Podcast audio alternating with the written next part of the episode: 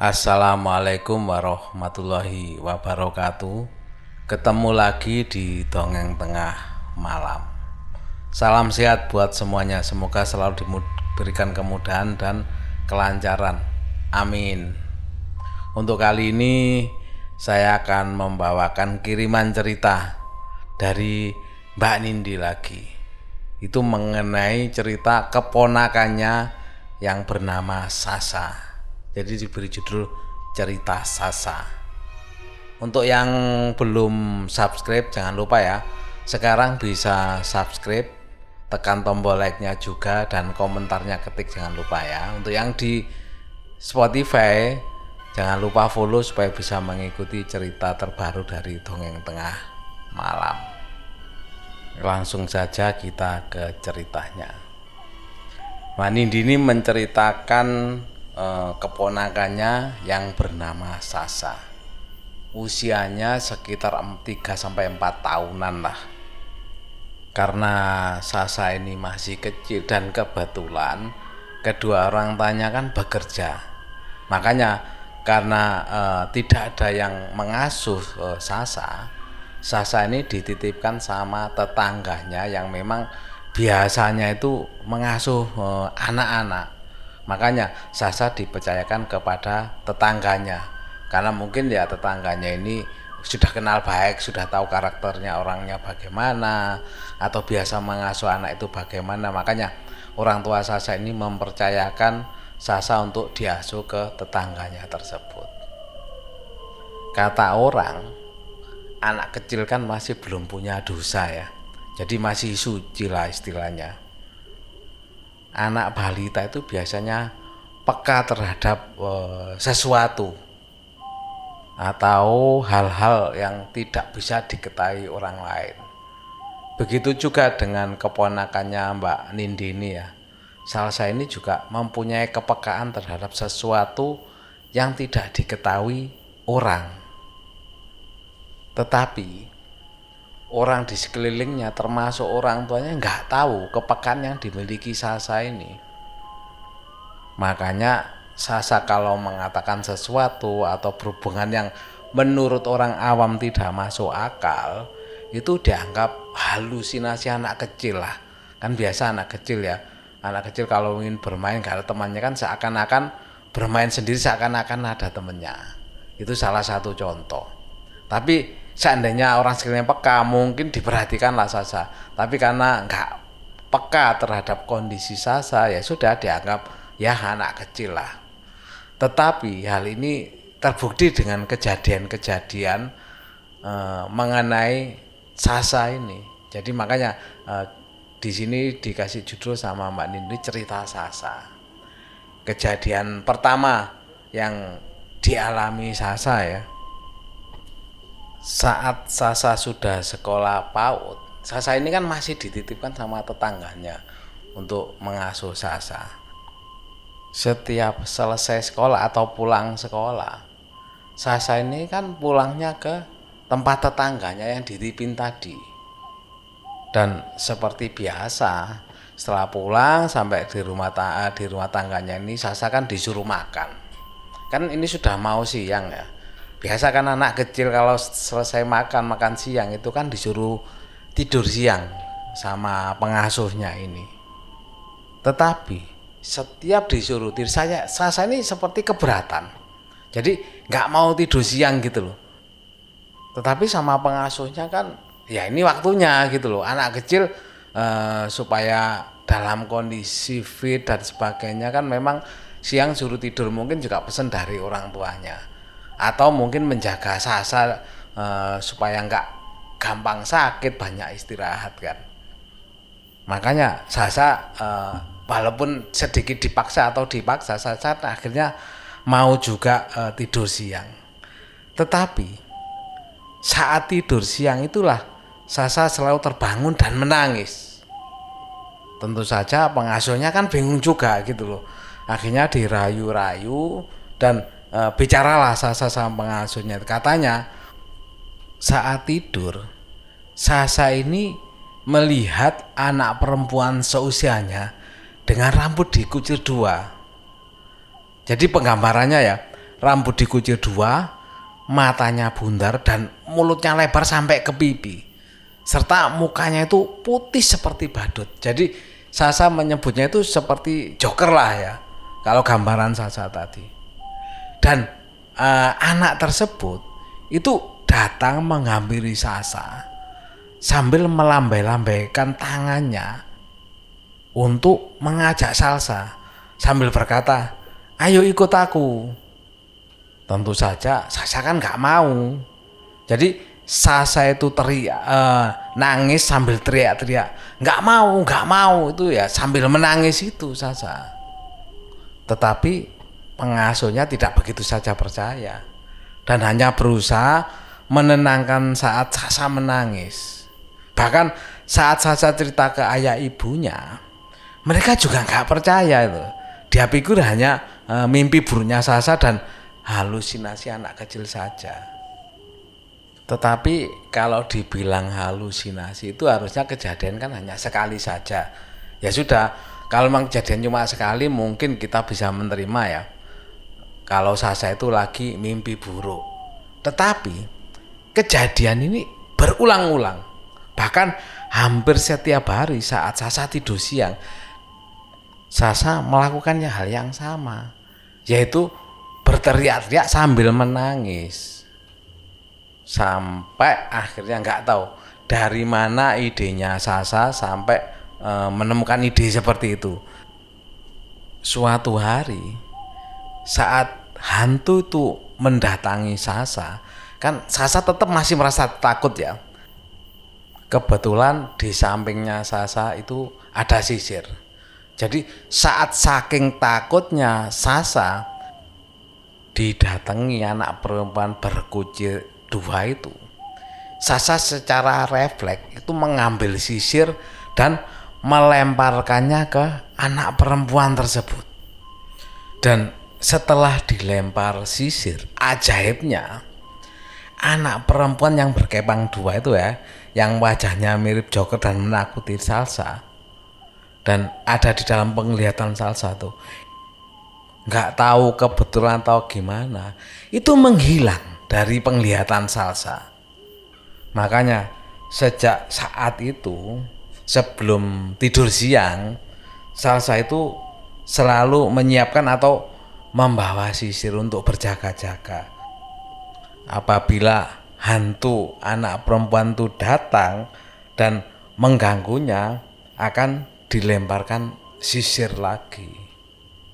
Itu kejadian uh, pertama yang dialami Sasa. Mungkin ada kejadian lagi tapi yang mencolok dari yang di dalam Sasa ini ya yang hantu anak perempuan tadi. Dan nggak hanya situ, ada kejadian lagi menurut penglihatan Sasa itu kejadian kedua ya yang yang mencolok dari yang dialami Sasa. Jadi Sasa itu melihat kuntilanak penunggu warung bakso. Saat Sasa sudah menginjak TK, kan masih tetap dipercayakan kepada tetangganya karena memang kedua orang tuanya kan bekerja. Dan sempatnya orang tuanya ketemu Sasa kan setelah pulang kerja ya.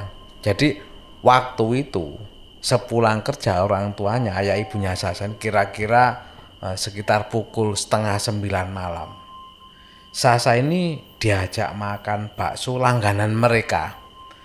Warung bakso ini memang cukup terkenal di daerahnya Mbak Nindi ini dan selalu ramai pembeli. Tetapi tumben waktu itu warung bakso itu kelihatan sepi. Padahal biasanya itu kalau mungkin mau makan di situ itu harus menunggu, menunggu karena saking penuhnya ya, saking banyaknya e, pengunjung ya. Makanya sampai gantian. Berdiri ada sudah ada yang menunggu untuk duduk di uh, kursinya itu. Tetapi hari itu itu bahkan terlihat hanya sekitar empat orang pembeli. Itu tumben dan jarang-jarang terjadi sampai sesepi itu di warung bakso tersebut sesampai uh, Sasa dan orang tuanya sampai di depan warung bakso tersebut itu kan diparkir tetapi uh, ada yang aneh dengan Sasa.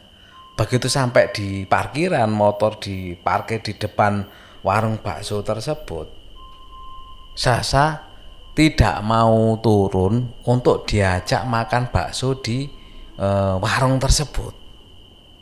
Sasa terus saja e, merengek sambil bilang, ayo pulang aja, nggak usah e, beli bakso katanya. Sambil mukanya itu nggak mau melihat ke arah warung bakso tersebut dan mukanya terus menghadap ke jalan. Tetapi seperti yang saya sampaikan di awal ya, orang tuanya kan nggak tahu kalau Sasa itu peka terhadap uh, sesuatu yang tidak diketahui oleh uh, orang awam. Dan mereka terus mengajak Saksa atau memaksa Saksa untuk bisa makan bakso di warung tersebut karena memang e, mereka sudah merasa lapar ya sepulang kerja karena belum makan. Dan Sasa pun masih tetap bersikuku, tidak mau meronta minta pulang sambil menangis. Sambil Sasa ini menunjuk ke menunjuk ya, menunjuk ke arah bangku tempat pembeli. Nggak mau, di situ ada setan katanya. Tapi tentunya orang yang di, uh, di dalam warung bakso tersebut nggak mendengar apa yang diucapkan Sasa karena Sasa kan di luar warung ya. Sempat kaget juga uh, kedua orang tuanya Sasa mendengar apa yang dikatakan uh, Sasa tadi. Dan mereka pun saling pandang gitu loh. Seakan nggak percaya apa yang dibilang Sasa tadi. Tapi karena Sasa terus menangis dan minta uh, pulang saja nggak mau di warung itu ya sudah. Akhirnya kedua orang tuanya mengalah untuk tidak jadi makan di uh, warung bakso tersebut. Tetapi sempat dia uh, membeli bakso untuk dibawa pulang. Sesampai di rumah saya pun ditanyai sama kedua orang tuanya perihal yang diucapkan di depan warung tersebut akhirnya ber, barulah uh, Sasa bercerita bahwa tadi saat di depan warung bakso tersebut makanya kenapa sampai Sasa menangis gak berani menghadap ke warung tersebut. Jadi pada waktu di depan warung bakso tersebut Sasa itu melihat Sasa tadi kan mengarah ke meja salah seorang pembeli ya bahwa Sasa melihat di situ itu ada sesosok perempuan berambut panjang yang tergerem menutupi mukanya dan memakai baju putih serta duduk di bangku pembeli menghadap ke arah pintu masuk warung. Makanya Sasa gak berani masuk ke warung tersebut saking takutnya. Tapi karena orang tuanya kan nggak tahu dan baru tahu setelah diceritain Sasa di rumah. Akhirnya karena apa yang disampaikan Sasa itu semenjak saat itu Sasa dan orang tuanya tidak pernah beli lagi di warung baru uh, warung bakso tersebut. Karena ya ngeri juga gitu apa yang diceritakan Sasa tadi. Dan mungkin orang tuanya sudah uh, menyadari ya bahwa Sasa punya uh, kepekaan seperti itu. Makanya dia sepertinya mulai percaya dengan apa yang disampaikan Sasa saat ini Sasa mulai dewasa dan bukan dewasa masih anak-anak sebenarnya. E, sudah duduk di bangku kelas 1 SD dan gangguan itu alhamdulillah sudah tidak pernah dia alami lagi.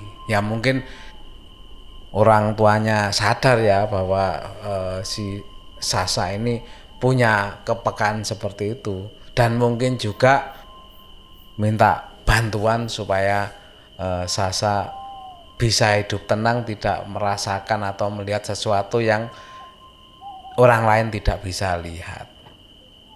Demikian uh, cerita Sasa dari Mbak Nindi. Mudah-mudahan Sasa tetap dikasih dalam keadaan sehat walafiat ya. Tidak kekurangan suatu apa pun, tidak ada gangguan sesuatu apa pun. Amin untuk pengirim cerita ya yang saya kasih inisial Mbak Nindi karena tidak mau disebutkan namanya ya. Terima kasih atas kiriman ceritanya. Masih ada cerita-cerita lain ya nanti saya bawakan lagi cerita dari Mbak Nindi. Mungkin saya inisialkan nama lain lagi ya karena memang Mbak Nindi nggak mau e, menyebutkan nama aslinya. Kuatir ini kan cerita realita ya kejadian yang sebenarnya nggak mau mungkin yang mengalami kejadian atau yang berhubungan dengan uh, yang diceritakan Mbak Nindi ini akan membawakan dampak ke uh, mereka. Makanya Mbak Nindi nggak mau menyebutkan nama aslinya.